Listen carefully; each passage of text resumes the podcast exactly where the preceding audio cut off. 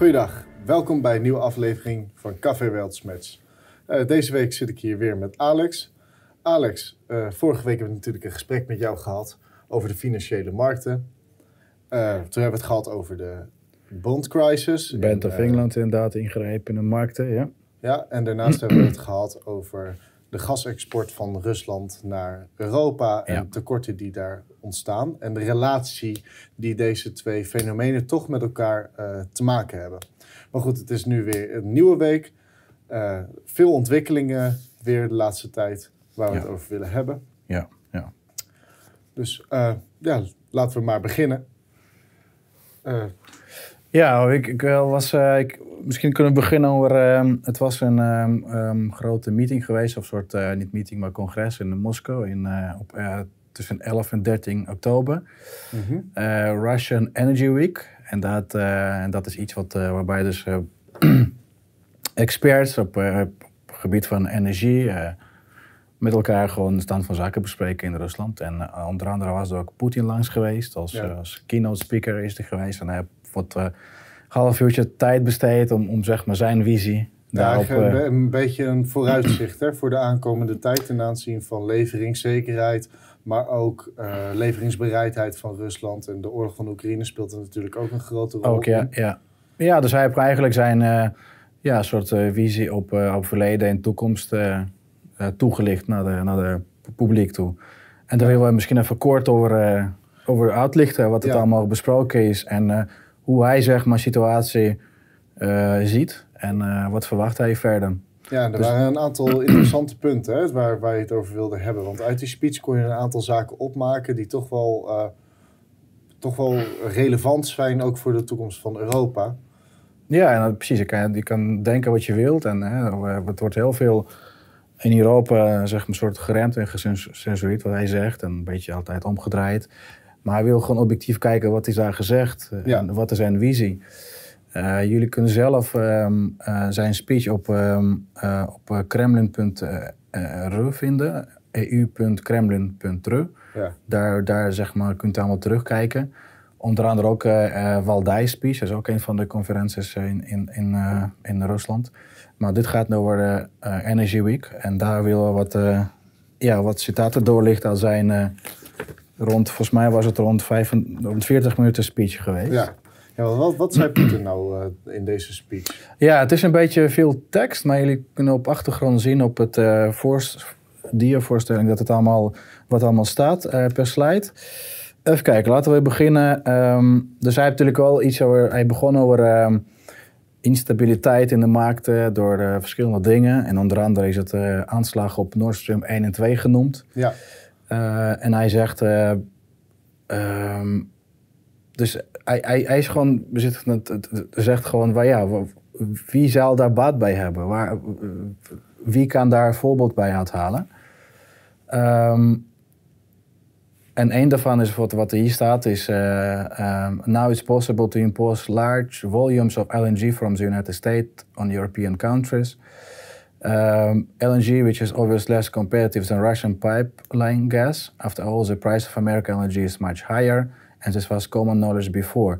Ja, wat insinueert Poetin daar dan mee? Ja, dus hij zegt, uh, als je kijkt, zeg maar, als je gewoon logisch nadenkt van uh, waarom zou Rusland eigen pijplijnen opblazen?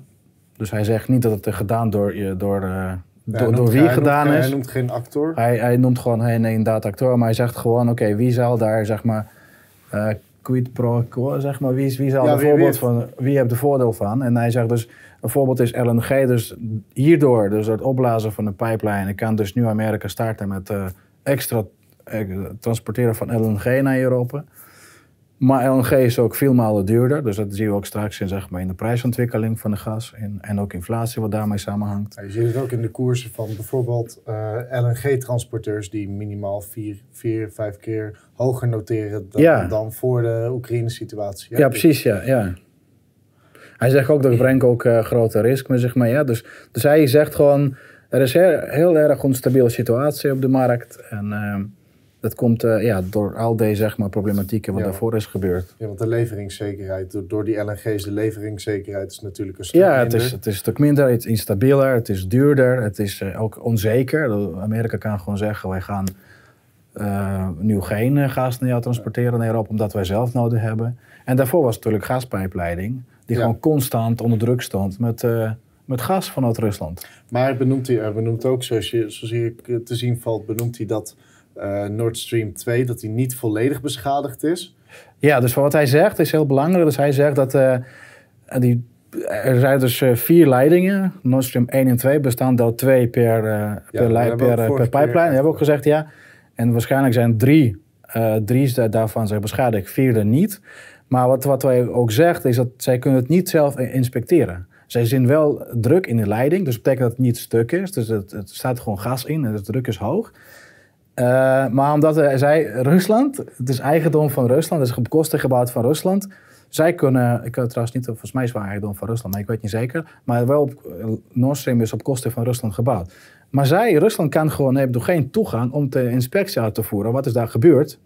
Maar tegelijkertijd ook, dus, uh, die, die kunnen wel waarschijnlijk worden repaired. Dus die leidingen ja, kunnen wel... Val, het valt te repareren. Ja, het valt te repareren, ja. Maar er is, er is dus tamelijk politieke onwil in deze situatie. Ja. Dat, dat, dat is iets wat hij... Wacht, ik wil zeggen, dus, dat, ja, dus hier zie je dat het... Uh, dus hij zegt, omdat het vierde leiding nog niet stuk is, uh, dan kunnen, kunnen, kan Rusland altijd 27,5 biljoen kubieke meters per jaar naar Europa te sturen. Ja, dus, het, dus het, het, hoeft dus niet zo te zijn dat die gasprijzen door. Ja, het is, ja, het is nog steeds het pijn, zeg maar, een soort pleister op, op, het, op grote wond. Maar het is nog steeds 8% van Europese gasimport. dat, dat is veel. Dat, ja, dat, kan je zeggen, ja, dat is veel, ja. stuk. Ja. Maar hij zegt natuurlijk nog meer, hè? Ja, volgende slide wil even. Ja, Oh, sorry. Ik heb mijn eigen laptop. ja, ja. Uh, ja, wat staat hier? Um, wat hij ook zegt is, uh, ik, ik zal hem een stukje voorlezen. Accidentally, according to expert, expert estimates this year long, a spot gas pricing mechanism have cost Europe, Europe more than 300 billion euro in losses. Ja. And it's about 2% of Euro, Eurozone GDP. Ja. Dus wat bedoelt hij hier nu mee? Als hij dat zegt. Hè? Vorige keer hebben we gezegd, ja, uh, Europa leidt eronder, hè, onder, die, onder die hoge gasprijzen. Maar uh, Poetin geeft hier, dus heeft hier, geeft hier dus duidelijk duiding aan. Hè? Ja, dus wat, wat wij zien is, uh, afgelopen jaren is, een soort uh, shift geweest van lange termijn contracten naar spotprijzen. Hè? Dus dat, dat was een soort eigenlijk push naar, push van, naar Europa toe. Van jullie moeten afstappen vanaf lange termijn contracten.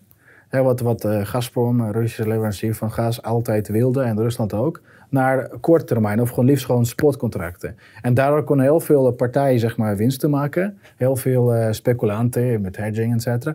Maar wat hij dus zegt, door dat overstap is, is wij zien nu zeg maar dat prijzen van, van um, spotcontracten zijn gewoon vier keer duurder dan gewoon lange termijn contracten wat was voorgesteld door Gazprom in het verleden.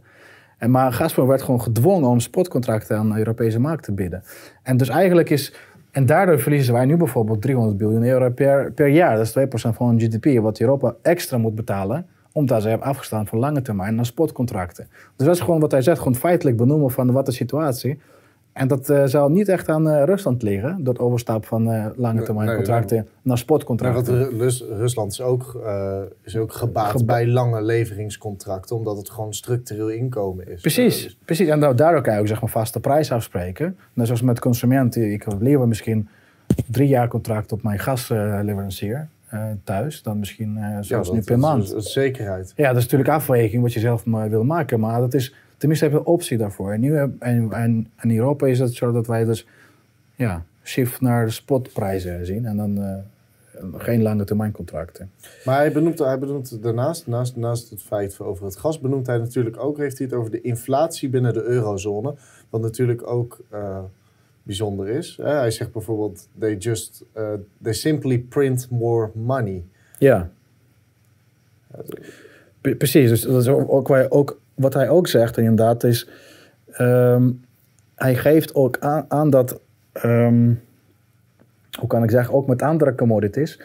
Uh, dat Europa een soort stofzuiger van, uh, uh, van verschillende commodities en ook gasprijs, gas, um, gas zelf. Ja, we zijn heel erg afhankelijk hè, van Ja, maar ook dat, dat, dat, Europa kan gewoon simpelweg gewoon geld printen en alles opkopen. Ja, dat is wat hij zegt. Hij zegt gewoon, Amerika kan ook makkelijk een paar biljoen, dollars gewoon printen en, en alles opkopen in de rest van de wereld. En daardoor wordt een soort, zeg maar, soort zuigingsmechanisme wat je krijgt. Dus alles wordt naar Amerika toegezogen en naar Europa. Uh, en daardoor krijgen dus armere landen, kunnen zij niet niks meer kopen. Want alles is opgekocht door rijkere landen. Dus wij, Europa scheelt heel erg veel dat wij dus wij geven om arme landen. Maar wat je nu ziet, dat het juist andersom is. Wij zuigen alles op in de markt en geven niks terug. En, en, daardoor dus, wat je krijgt is hoge inflatie, plus tekorten overal in, in arme landen. Omdat ze gewoon niet kunnen permitteren zoveel geld betalen voor gas of voor graan. Wat trouwens ook wel leuk nieuws was voor graan bijvoorbeeld, voorbeeld wat je zag uh, met uh, uh, wat, um, de, zeg maar de corridor die is gebouwd in Oekraïne. Dat, dat heel veel van, volgens mij is 80% van het graan is gewoon gebleven binnen Europa. Dus er wordt gewoon gemotiveerd, wij willen gas, wij willen corridor maken in, in Zwarte Zee om gas vanuit Oekraïne exporteren naar arme landen. Maar uiteindelijk is het feitelijk wat gebeurd is. Ik geloof 80 of tussen 60 en 80 procent van de graan is gewoon binnen Europa gebleven. Ja, dus het gaat helemaal niet naar de Dus het gaat helemaal in de arme landen, wat eigenlijk van tevoren is geschreven door uh, de grote leiders in Europa. Ja, dus dat is eigenlijk wat hij hier zegt. Uh, ja. Ja, verder, verder, heeft hij het ook nog over dat, dat de inflatie 10% is in de, in de eurozone. En dat dat, dat, dat euro, euro Europeanen hard raakt in de portemonnee. En dat zien is ook gezegd, de European population is stocking up on food voor winter. Like in the middle age, wat natuurlijk waar is. Hè? Omdat het gewoon tekort is aan gas en te duur is. Ja, ja, zagen ook in Duitsland. Mensen gingen gewoon op, uh, hout opslaan. Ze ook toename volgens mij in Nederland ook. Uh, ja, de creatieve idee heeft met de terracotta, met de terracotta potten, met de, met de lucif, met de vaccinelichtjes ja, die je overal op het internet ziet circuleren, die komen natuurlijk ook ergens vandaan. Precies, hè? Dat, precies. Is, dat is eigenlijk heel, een hele trieste constatering als je, daar, uh, als je daar langer over nadenkt. En wat hij zegt, dus wat does Russia have to do with it? wat, wat, is hier, wat heeft Rusland mee te maken hier? dus wat, wat de Europezen wil gewoon trying to blame others for their own mistakes. Ja. Wat is, dat is wat hij zegt. Ja, want eigenlijk, ja, het komt er ook wel weer op neer. Hè? Want het is allemaal besluiten vanuit Europa. Uh, door bijvoorbeeld over te stappen van die langetermijncontracten naar spotcontracten. Waardoor prijzen door het dak gaan. Waardoor mensen in armoede belanden. En uh, ja. we de misère zien die, die nu voor ons uh, ogen plaatsvindt. Nee, dat is goed. blijf nog even hier. Wat ik wil zeggen is laatste linie. Dus inderdaad, wat, onder andere is... Um, it's not even a result of certain actions during the special military operation in Ukraine in Donbass. Dat zeg maar problematiek op energiemarkt. Mm -hmm. Absolutely not. It's the result of, the, of years and years of bad energy policy. Years and years. Uh, close citaat. Dus eigenlijk wat hij zegt, is eigenlijk dat is niet, niks mee te maken met Rusland. En niet met SMO in, in Oekraïne vanaf februari dit jaar. Dat, dat, dat speelt al jaren. En dat gaan we straks ook terug in zijn speech, wat hij daarmee bedoelt. Ja. Uh, ja, hij, heeft, hij heeft het over, over dat industrie, dat die, dat vertrekt. Hè. We hebben het vorige keer ook over Precies, gehad. Hè. De ja. deindustrialisatie van Europa. Omdat het niet meer uh, logisch is voor te duur. produceren. Het, is, het is gewoon te duur en instabiel. Ja. Dus als, jij, als, jou, als jouw energiekosten omhoog, omhoog schieten met, met uh, maal, maal 2, maal 3, maal 4... Dan, dan wordt gewoon Europese industrie gewoon niet uh, competitief genoeg ja, met, nee, het is niet Meer competitief met Amerika, die, die, die zelf energie voorzien is. Of China, die wel die pijpleiding heeft met Rusland. Met, ja, ja. Precies, en daardoor gaat dus, uh, wat we vorige week hadden, dat deindustrialisatie van, van Europa wat nu plaatsvindt. Ja. Uh, European businesses have to shut down and look for better conditions in other jurisdictions. Ja, en dat, dat zien we ook de laatste tijd in het nieuws terugkomen. Hè? Dat, de, dat een x-aantal grote bedrijven, ba waaronder ja. Uh, grote chemiebedrijven, gewoon hier in Europa de deuren sluiten en vertrekken naar Amerika. Ja, ja. ja. Wat dus ook is in zijn speech genoemd, um, en hij zegt dus, hij, ik ga even quoten, hij, I cannot help but uh, quote some statistical data. According to European statistics, export to Russia amounted to 90 billion euros in 2021 and imports from Russia to 162 billion euro. Dus ik krijg gewoon divertiet. Dus, uh, Rus, Rusland ja, het handelsoverschot. Ja, precies. In Rusland. Ja. Import from Russia. Ja. Deficit in Russia favors is 74 billion euros. Dus vorig jaar had Rusland gewoon overschot in balans. Ja, natuurlijk. Want zij leveren het gas en wij maken daar pro- wij, dat hebben wij nodig om er producten van te maken. Ja, en En Rusland was al onder sancties hè, voor, voor, Ja. eh, voorheen. eh, nog voor de zeg maar, eh, Special Military Operation in Ukraine. En hij zegt dus in 2020 is het in, in, in, in early months, en volgens mij is het half jaar, was het deficit, eh, profis- proficit al 103 biljoen. Ja, hè, dus, die, ze met die spotcontracten gaat natuurlijk ja, veel meer. dus wat je krijgt, je krijgt, Rusland hoeft veel minder te exporteren, gas en olie, maar ze krijgen veel meer terug. Ja. Voor, voor minder quantity. Ja, Dus dat is wat hij ook zegt. Dus, ja dat, dat sloopt gewoon de Europese markt. En dat hij vindt.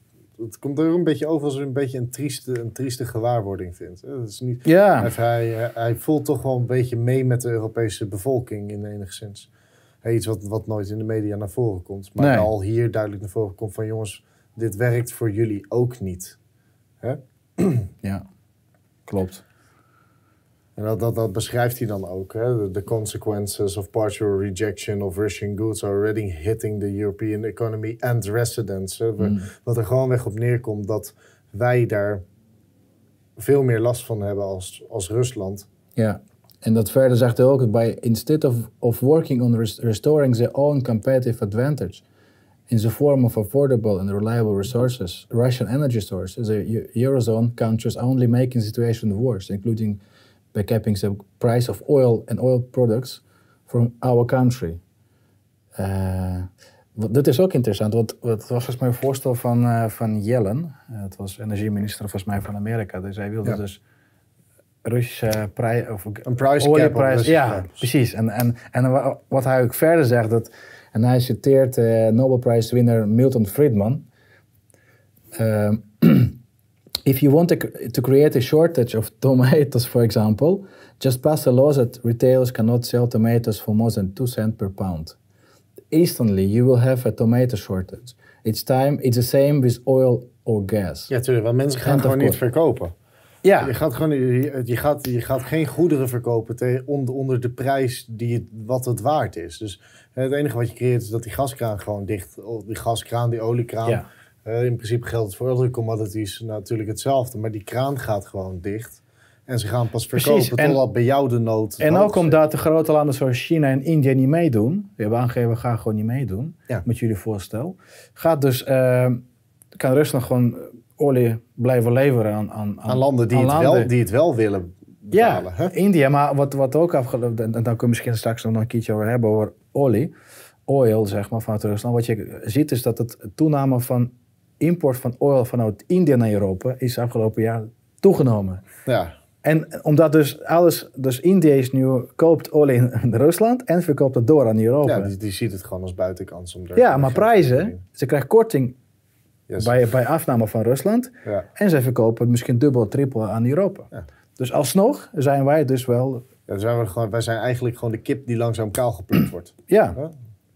Precies. Dat is, eh, Door, door, door onze eigen stupiditeit. Door, ja. dat wij, En ook wat, zeg maar, wat nog bij je komt te kijken, is te- zit ik zo te bedenken, is dat eh, door die eh cappen van oil, hoe willen zij dat doen? Zij willen bijvoorbeeld doen doordat schepen niet, geen verzekering kunnen afsluiten. Verzekering op, op, op, Op ladingen. Op, op ja, ja. maar dan gaan die schepen ook niet meer varen.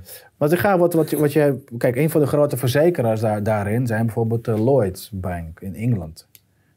Dus die gaan gewoon markt verliezen, omdat de schepen gaan dus verzekeren weer in China afsluiten of in, eh, in Moskou zelf. Weet Ja. je, het is, het is gewoon marktwerk. En, komt, dat, komt dat dan ook terug? Want een- eenmaal het vertrouwen verloren in zo'n in zo'n Dat is de vraag. hè? Dat, dat, dat, dus eigenlijk spelen ze niet, niet met een klein risico, maar ze spelen gewoon met een heel groot risico door, dus- door dit soort dus, acties uit te voeren. Dus dat City van Londen, de- die krijgt, gaat dat dus eh, verlies leiden. Hè? Dus het worden weer, de bank gaat verlies leiden, dus ze minder verzekering gaan, eh, gaan verkopen. Nou, dan krijg je weer een negatief effect binnen de Europese Unie. Ja. Of UK, nu is het buiten, maar nog, ja, nog steeds Westen, zeg maar. Ja, we werken er nog steeds mee samen. Dus Precies. Eh, en wat hij ook zegt, ook interessant is, dat wij, wij zien dus dat eh, een van zijn argumenten is dat, eh, dat verstorende energiesupply in Europa is ook de green agenda, wat hij eh, benoemt.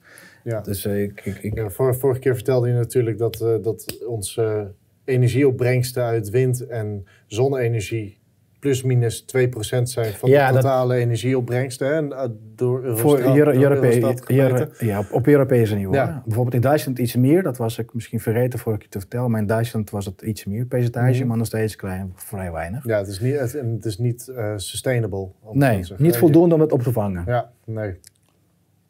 Precies. Ja, dus hij zegt dus, dat, ik ga ook even citeren, voorlezen. Uh, the fact is that aggressive promotion of green energy, which, is, which of course needs support. As I said, dus hij steunt dat, promotion van green energy. Dus hij is, hij is er geen tegenstander van. Ja. Maar wat hij ook heel snel zegt, is dat... Uh, but it should be done right. So the aggressive promotion of this agenda, including in the euro, euro area, has led to underinvestment in the global oil and gas sector.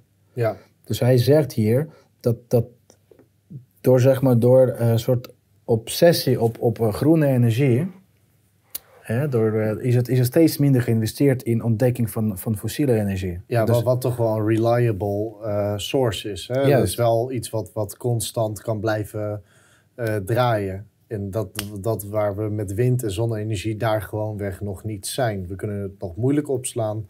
er is geen, geen oplossing gevonden voor de zonnepanelen. Nee, nee. of de windmolenturbines die uiteindelijk begraven worden. Ja. Dus hij zegt ook dat meanwhile in Europa en in the United States have imposed sanctions on leading oil producers, which make up about 20% of global output. As a result, in 2020-2021, investment in oil and gas production dropped on the lower, lowest level in the 15 years. Oké, wat, wat, wat zijn nou de risico's daarvan? Hoofdzakelijk van dat, van dat lage investeren. Ja, dat jij dus steeds tekorten krijgt op jouw output. Dus het is, je krijgt dus steeds minder olie uit de grond feitelijk, of gas, waardoor dus eigenlijk, maar je blijft zeg maar, jouw behoefte blijft ongeveer hetzelfde en, en groeit elke jaar. Hè? Dus rij, bijvoorbeeld, het zal misschien in Europa niet zoveel uh, groeien, jouw energie zeg maar, verbruik, maar met name arme landen, denk aan Afrika, eh, Azië. Ja, dat zijn groeimarkten. Die, die ontwikkelen zich nu. En, en dus die hebben, wat betekent dat, ze hebben steeds meer energie nodig. Ja. Dat is zeg maar hun economische ontwikkeling. Ja. En, en dan krijgen ze tekorten.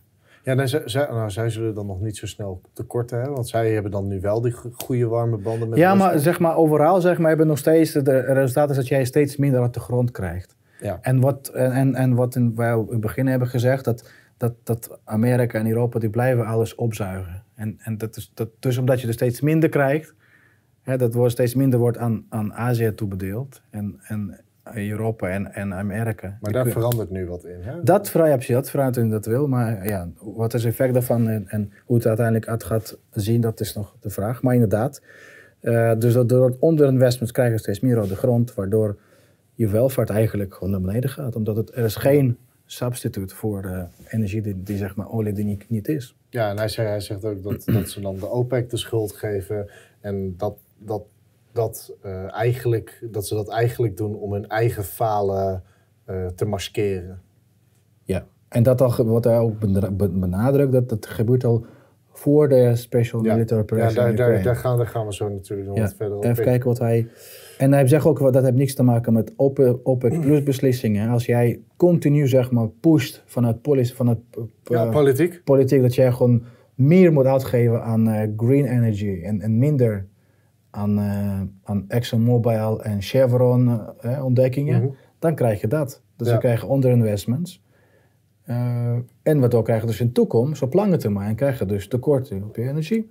Maar als we dan kijken naar, naar, de, naar, de, naar de gasprijzen, die dalen dan. Hè? Dat, dat, dat is dan wel weer bijzonder. Of, of heb je... Ja, dat is inderdaad tijdelijk gewoon de dalen inderdaad. En, en wat wij ook zeg maar, een van de verklaringen is, misschien de volgende slide, is dat het, het is gewoon een te veel. Kijk, voorraden zijn gevuld, uh, wat, wat daar staat. Er staat heel veel schepen met LNG vanuit Amerika onder andere die gelood, uh, geloosd moeten worden. Ja. Maar omdat uh, alles vol zit, en dat, ja, dat kun je gewoon niet kwijt, dat kost geld. Dus ze willen gewoon alles dumpen, zoals wij zagen in 2020 voor met Ja, toen ging, toen ging Brent olie ging ook, ging ook negatief. negatief. En negatief. dat is nu weer het geval. En dat is nu weer het geval, ja. Dus dat zegt niks over lange termijn, wat, wat wel zeg maar Poetin in zijn speech zegt omdat het, het feit blijft dat het onderinvestments, minder output, eh, minder zeg maar, beschikbaarheid van energie. Maar het is gewoon tijdelijk effect dat jij, dat alles is voorraden zijn bijgevuld. We hebben vorig, jaar, vorig keer ook over gesproken dat het uh, rond uh, voorraden in, in, uh, in Europa liggen rond 95% gevuld. Ja. Dus die zeggen, schepen die op, op kust zitten wachten op lo lozing, die, die kunnen ergens Nou, die weg. kunnen het nu niet kwijt meer. Die kun je kwijt. En daardoor gaat dus, ja, dan krijg je marktwerking, ja, spot, het, het ja, aanbod. En dan krijg je dus dalende energieprijzen, wat, wat waarschijnlijk niet in onze consumentenprijzen Nee, want die, eh, dat, terug- blijft, dat terug- blijft hetzelfde. Ja, die blijven, ja, die blijven, of ja. Juist. Dus maakt het dan weer nieuwsgierig hoe de, hoe de winst eh, van de energieleveranciers er dit jaar uit gaat zien. Eh, Ja, we zien dat een gigantische winst natuurlijk, hè, van groot en uh, ja, ExxonMobil, Chevron. dat, eh, Hm? Ja, maar ook gewoon onze energieleveranciers. Hè? Ja. Als ik naar Vattenfall of eh, die, die gewoon zo meteen een prijsplafond krijgen. En daardoor dus ook niet geneigd zijn om eronder te gaan zitten. Ja, maar volgens mij hoe dat nu werkt met onze prijsplafond is dat onze overheid zegt, eh, je, je, je krijgt zoveel uh, bedrag, ze bepaalt een zeg maar, maximale prijs voor per kubieke Ja, meter. tot, tot een x. Tot een x Ja, maar verschil, die moet alsnog betaald worden aan leverancier. Dus onze overheid, zeg maar het verschil, compenseren zij aan, direct aan, aan leveranciers. Dus, dat is, dus dat, wij betalen alsnog de hoogste prijs. Alleen wij als consumenten, nou ja, wij als consumenten krijgen maar, betalen maar zoveel. Maar de rest, wat wij niet betalen als consumenten, betaalt gewoon overheid aan, Ja. aan de leveranciers. ja, maar wij betalen de overheid, dus indirect komt die dan toch weer bij ons terecht. Dus daar gewoon een komt- sigaar uit eigen doos. Ja, daar komt het neer, ja. Maar goed, even te- te komen om, om te kijken dan naar, naar die... eh, Ja, dan zie je dus eh eh, Investments. investment. Dan zie je dus vanaf 20, 2012 is het, eh, of 2014 zie je de dalende trend. Eh, Dus het, het is ook wat Poetin ook zegt. Hè, door dat, dat, dat ehm, problemen in onze energiemarkt komt, dus niet, komt dus niet door actie van Rusland. En, en vooral ook niet van dat oorlog in Oekraïne. Maar dat komt gewoon puur door beslissingen van de afgelopen jaren dat is- onze dat politici. En dat is ook duidelijk te zien. Als je kijkt naar deze grafiek, dan zie je dat er eh, tot 2014 tussen de 6 en 600 en 800 eh, bil, biljoen, een miljard geïnvesteerd werd in als het gaat om olie en gas. En gas, ja. en dat dat nu eh, global, gehal- ja. bijna gehalveerd is qua Ja. investeringen. Nou, eigenlijk al een x aantal jaar bijna gehalveerd is qua investeringen. Ja. Dus daarmee laat het alleen maar zien dat wat hij vertelt wel overeenkomt met de werkelijke situatie. Dus dat, er, dat hij er geen Ja. doekjes omheen wint. Precies, dus hij eh, geeft gewoon, ja, gewoon een beetje logische zeg maar, uitleg van wat er nu gebeurt. En, en volgens mij dat is niet wat wij altijd, Ja, dat is niet Bij ons horen. natuurlijk niet wat het nieuws ons. nou, ja, in niet wat ons verteld wordt. Hè? Dat, eh, dat is allemaal eh, gebeurt gisteren en opeens. En Ja, weten is niet waar het eh het is allemaal komt. spontaan. maar- Ja, heel spontaan. Eh, Lagarde zegt nog recentelijk over inflatie. Ja, dat is gewoon, dat komt ergens vandaan, maar ik weet niet waar vandaan komt dat. Maar daar, daar, gaan, daar gaan we nu verder op in. Ja, over, dus- over, over die inflatie. Want dat is natuurlijk ook naast die, naast die hoge energieprijzen, dat ook gewoon een onderdeel van de problemen die wij nu in Europa zien. Dan ook voornamelijk Nederland, want wij zijn in de eurozone. Eh, hebben, we daar, hebben wij daar vooral het meest, een van de landen waar. Zijn wij een van de landen die daar het meest. eh, Ja, laten we misschien Dat van- volgende zeggen, René. Dat de Ja. inflatie in de eurozone, dus dat is eh, ja. van oktober volgens mij was het. Ja, dus Ja. oktober, oktober vorig jaar. Je ziet dat de inflatie rond 10,7% is. Ehm weer gestegen versus vorige maand. En dat zie je dus uh, bovenste de grafiek, zie je dat het met name komt uit energie. Ja, want inflatie op energie energie is heel, onder heel- uh, 42%. ja, dat is heel hoog. Heel hoog, ja. Maar het is logisch dat de rest dan meestijgt natuurlijk. Hè? Want als je dan kijkt naar, naar voedsel. Voedsel heeft ook energie, Energie. nodig om te produceren. Precies. Eh, alcohol. Hè? Heineken had het er ook al over. eh, dat in hun jaarcijfers dat er, dat er één minder geconsumeerd werd. Maar twee ook dat de productie een stuk duurder was geworden. Maar Ja. dat ze daardoor in een probleem... hè, De, de beurs reageerde er ook al direct op. Om het simpele feit dat eh, productiekosten hoger... plus minder, minder consumeren... Eh, die, die combinatie, dat het, dat het natuurlijk niet goed is voor zo'n bedrijf. Nee, nee precies. En ze kunnen gewoon ook moeilijk eh, door, eh, doorrekenen aan consument. Ja, en, ja, want mensen, willen- het luxegoederen zijn natuurlijk een van de eerste dingen waar mensen afstand van doen ja, op het ja. moment dat het slecht gaat. Hè? Is een beetje luxe goederen dan? Tegenwoordig, als je dat een biertje Ja. in de kroeg, 3,50 euro. Ja, dat is heel duur, Redelijk naar luxegoederen gaat. Ja, klopt, klopt, ja. Daarom drink ik ook water hier. Hè? Nee. Nee, maar, maar ook als je kijkt naar alle andere. Hè, services worden duurder. Dat is, dat is ook natuurlijk gelijk olie gerelateerd. Want Ja. als, als ben- benzinekosten of dieselkosten stijgen voor een bedrijf. En dan krijgen we tekort. Er is ook iets diesel in Amerika. We hebben, ze- daar hebben ze maar voor 25 dagen een diesel op voorraad. Dus dat is eh, ook een probleem. Ja, Dus dat soort dingen krijgen inderdaad.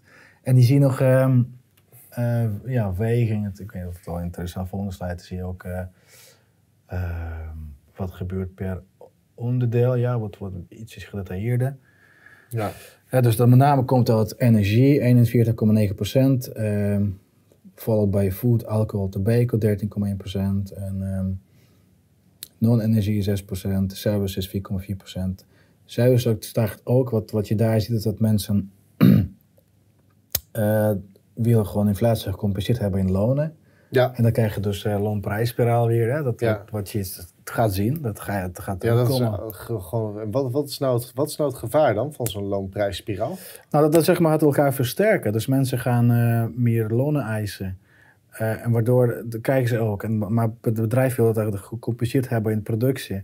In, in kostprijs. Dus die Ja. gaan ook omhoog. En dan krijg je weer volgende stap. En, en dat gaat elkaar versterken. Dus dat, en dat, dat, hoe, hoe zou dat ingedampt kunnen worden dan? Als, Ja. Je, ja, als je de grootste factor van inflatie natuurlijk wegneemt. Dus eigenlijk weer goedkope energie. Goedkope, stabiele alles weer energie. Wat, eh, Ja. weer wat teruggeschroefd wordt. Basis, want nu zeg maar, zeg maar, fundament van onze economie is gewoon, is gewoon enorm beschadigd. Hè, Ja. Zeg maar stabiel, goedkope gastoevoer, energietoevoer. Ja, Wat hebben we nog meer? Je ziet nog een beetje weging. Dus dat eh, energie maakt eh 10% van, eh, van alle items. En dat geeft best wel flinke impact op het totale. ja want als, als, zo hard is gestegen. ja, want als, als energie stijgt, dan stijgt de rest automatisch mee. Hè? Want de basis van alles is natuurlijk energie. Ja.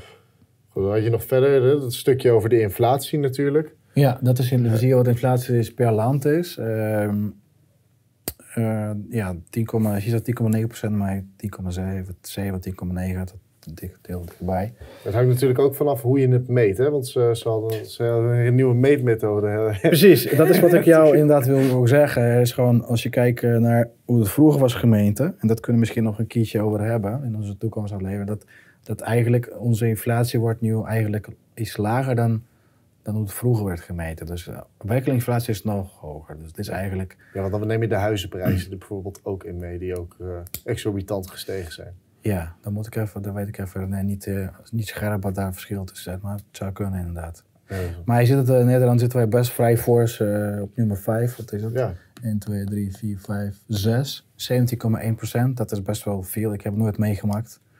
nee. Ehm, ja, dat Nee. is... eh, Twee, twee eh, dubbelcijferige inflatie. ja. Wat opvalt is, ik heb nog gekeken naar inflatie in Zwitserland. Is, is 3,3 procent in oktober.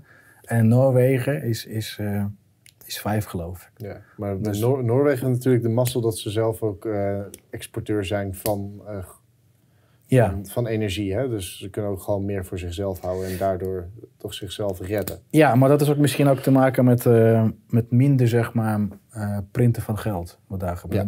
Dat zou kunnen. Dus, Beter monetair. Er zijn geen Europese landen, er zit niet in het verdrag, maar natuurlijk wel verdrag, maar ze hebben eigen valuta bijvoorbeeld en eigen monetaire beleid.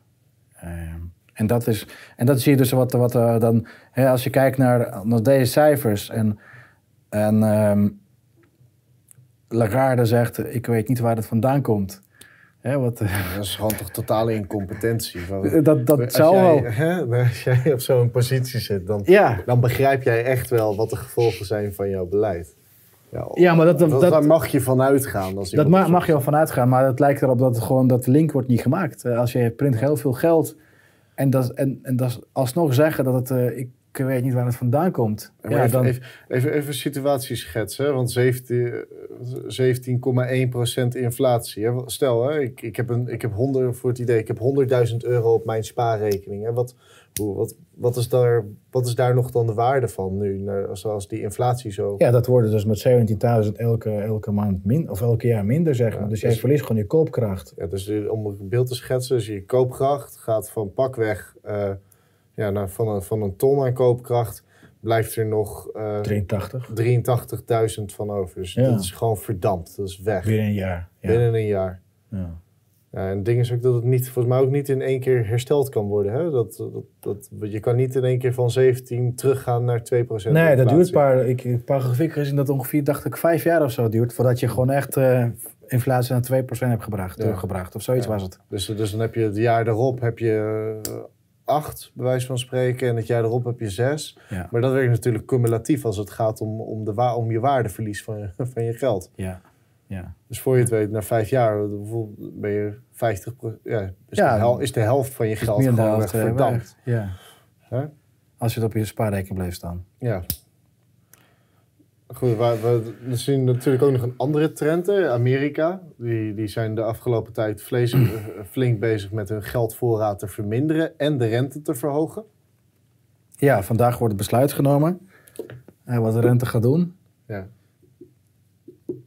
Volgens mij is dat nou, Dan gaan we het volgende keer, de volgende, keer. keer zullen we het daarover hebben. Ja. Dat heeft, natuurlijk, dat heeft natuurlijk ook weer alles te maken met. Dat heeft natuurlijk ook weer gevolgen voor de, voor de toekomst van, van Amerika, maar ook de toekomst van Europa. Mm indirect. Ja. En wat, uh, wat, zeg maar, wat wij hier willen laten zien is dat de linker grafiek, linksboven, daar zie je dus ontwikkelingen van, uh, van balansen bij uh, Federal Reserve, dat is de Centrale Bank van Amerika. Ja. En die is nu vanaf, zie je de grote spike vanaf 2020. Ja, de, ik zei dat de COVID, de COVID... Money, ja. ja dat Stimulus en zo. Dus het is eigenlijk na de, precies de markt voor 2020 gebeurd. Dat bank is uh, vet enorme geld gaan printen. Ja, het, en, het, helikoptergeld. Hè? Het ja. gratis geld wat gewoonweg uitgedeeld werd aan mensen om de COVID-periode door te komen. Ja, en dat is wat ook Poetin ook zegt in zijn speech. Dat, uh, omdat Amerika is in staat om enorm veel geld te printen en alles opkopen waar ze tekort hebben.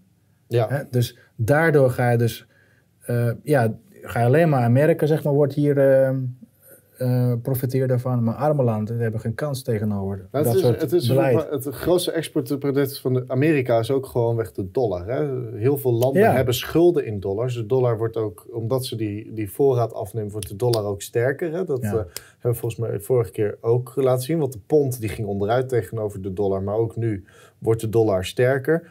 En als jouw schulden in, dollar, in uh, dollars afgerekend wordt en, de, en de, die waarde van die munt stijgt, dan wordt jouw schuldenlast wordt gewoon meer. Ja, uiteindelijk moet je eigen valuta printen om, om in, dollars te kopen. En, en daar, daarmee zeg maar aflossing doen in Amerika bijvoorbeeld. Ja, of in ja, sommige landen. En daar zie ik zeg maar rechtsonder zie ik zeg maar ontwikkelingen van uh, rente op, op uh, staatsobligaties van Amerika. En die is vanaf mei dit jaar is het, is het gigantisch gaan stijgen.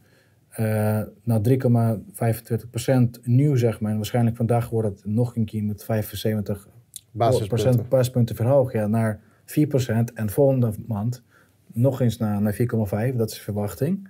Maar er, waren, waren ook, er zijn ook een aantal senatoren die het er echt niet mee eens zijn. Hè? Zoals Elizabeth Warren, die heeft aangegeven uh, dat, dat ze ermee moeten stoppen. Uh, zelfs Biden, die, die, die, die staat op zijn achterpoten dat dit aan de, aan de hand is. Wat, zou je dat kunnen duiden? Waar, waar komt die, dat, dat vandaan, die, die, die wanhoop? Uh, nou ja, omdat jij uh, zoveel schulden hebt en dat hierdoor creëren best wel. Um, um, nou, dollar bijvoorbeeld wordt hierdoor sterker. Dus jouw zeg maar, con concurrentie van Amerikaanse producten wordt minder. Dus waardoor je bijvoorbeeld minder kan produceren binnen Amerika. Dus dat is een voordeel daarvan. Een voorbeeld.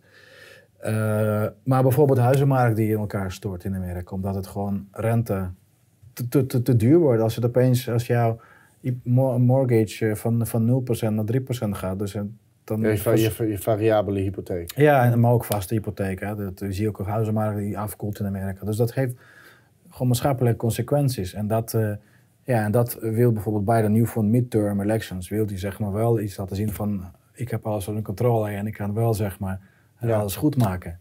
Terwijl dit is gewoon niet goed te maken. Dat, dat, nee, de rente blijft stijgen en misschien op een gegeven moment volgend jaar, begin volgend jaar, in Q1 gaat het wel pivoten. Dus dat, dat gaat wel weer terug naar beneden. Dat is verwachting. Maar of het zo is, dat, dat weet ik niet. Dat, dat, uh, maar wat dit nu zeg maar doet, is het dat het... Uh, uh, dat zorgt wel voor enorme problemen bij, gewoon bij mensen. ja, en bij, visies, ook bij visies. Hè, ja, bedrijven zeg maar ook, die moeten gewoon tegen duurdere rente gaan, van, gaan, gaan huren van, van leningen en zo.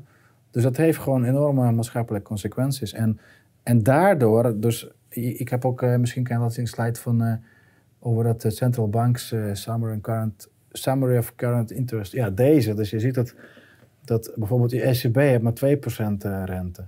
Ja. Bij Bank of England is het, uh, waar staat De? Ba- Bank of Great Britain, daar, daar 2,25. Ja, en, en, en, en Fed heeft 3,25 en straks 4%. Daardoor uh, keelt Amerika ook, zeg maar, landen die gewoon lage rentes hebben. Omdat gewoon, die, je krijgt gewoon straks vlucht van, van de euro naar Amerikaanse Ja, omdat, obligaties. ze, omdat ze betere rente kunnen Ja, dat is gewoon, ja, precies. Dus kapitaalvlucht die worden veranderd. Dus eigenlijk wat, wat Amerika hier doet, is gewoon eigen uh, belang voorop stellen, wat eigenlijk ook normaal is. Maar het verschil is dus zo groot dat het. Uh, Ja, ze zei, ze- Amerika, dat eh, Amerika haar hegemonie aan het verdedigen is op deze manier. ja, kan je wel zeggen, inderdaad. En ook zeg maar zijn haar uh, alliances, zeg maar, vermoorden feitelijk uit. Ja, uh, ja, ja. Voor de bus gooien van wie jullie bekijken. En dat, dat zien we nu ook met Duitsland. Hè? Want wat, eh, het, gevolg, het gevolg, gevolg is vrij duidelijk dat eh, pro- producenten vertrekken naar Amerika. Omdat ze daar wel tegen een beter tarief... eh, Tegen goedkoper kunnen produceren, ja. En stabiele energie bijvoorbeeld, hè. Ja, en daardoor, daardoor dus eigenlijk Europa aan het leger over zijn. Ja, de vraag is wat wel gaat gebeuren. Het gaat wel gebeuren, maar of het naar Amerika gaat, of misschien naar, naar China of Rusland bijvoorbeeld. Hè? ja, dat is ook zou, dat vraagteken. zou ook natuurlijk nog... Omdat Amerika moet natuurlijk wel voldoende ook eh, kennis hebben. Hè, Amerika heeft afgelopen jaren enorm veel dat soort zware industrie naar China verscheept, dus gewoon eh, geëxporteerd. En de vraag is of zij zeg maar met, met huidige eh eh, woke-ideologie voldoende capabele mensen hebben om dat energie zeg maar te runnen vanuit, hè, vanuit Duitsland en in Amerika. Dus dat is ook een vraag of het wel gaat gebeuren. Dat, dat, dat, dat gaat allemaal blijken. Ja. Nou, ik denk dat dat een mooie is om eh, volgende keer weer verder, te, verder Ja. te gaan. Ja, precies. De Fed-meeting is vanavond, dus eh, daar gaan we ook natuurlijk naar, kijken. En daar kunnen we volgende week dan weer eh, eh, wat meer over vertellen. Ja. Eh, ik wil de kijkers bedanken voor het kijken. Eh, dit was Café Beltsmerts en tot een volgende.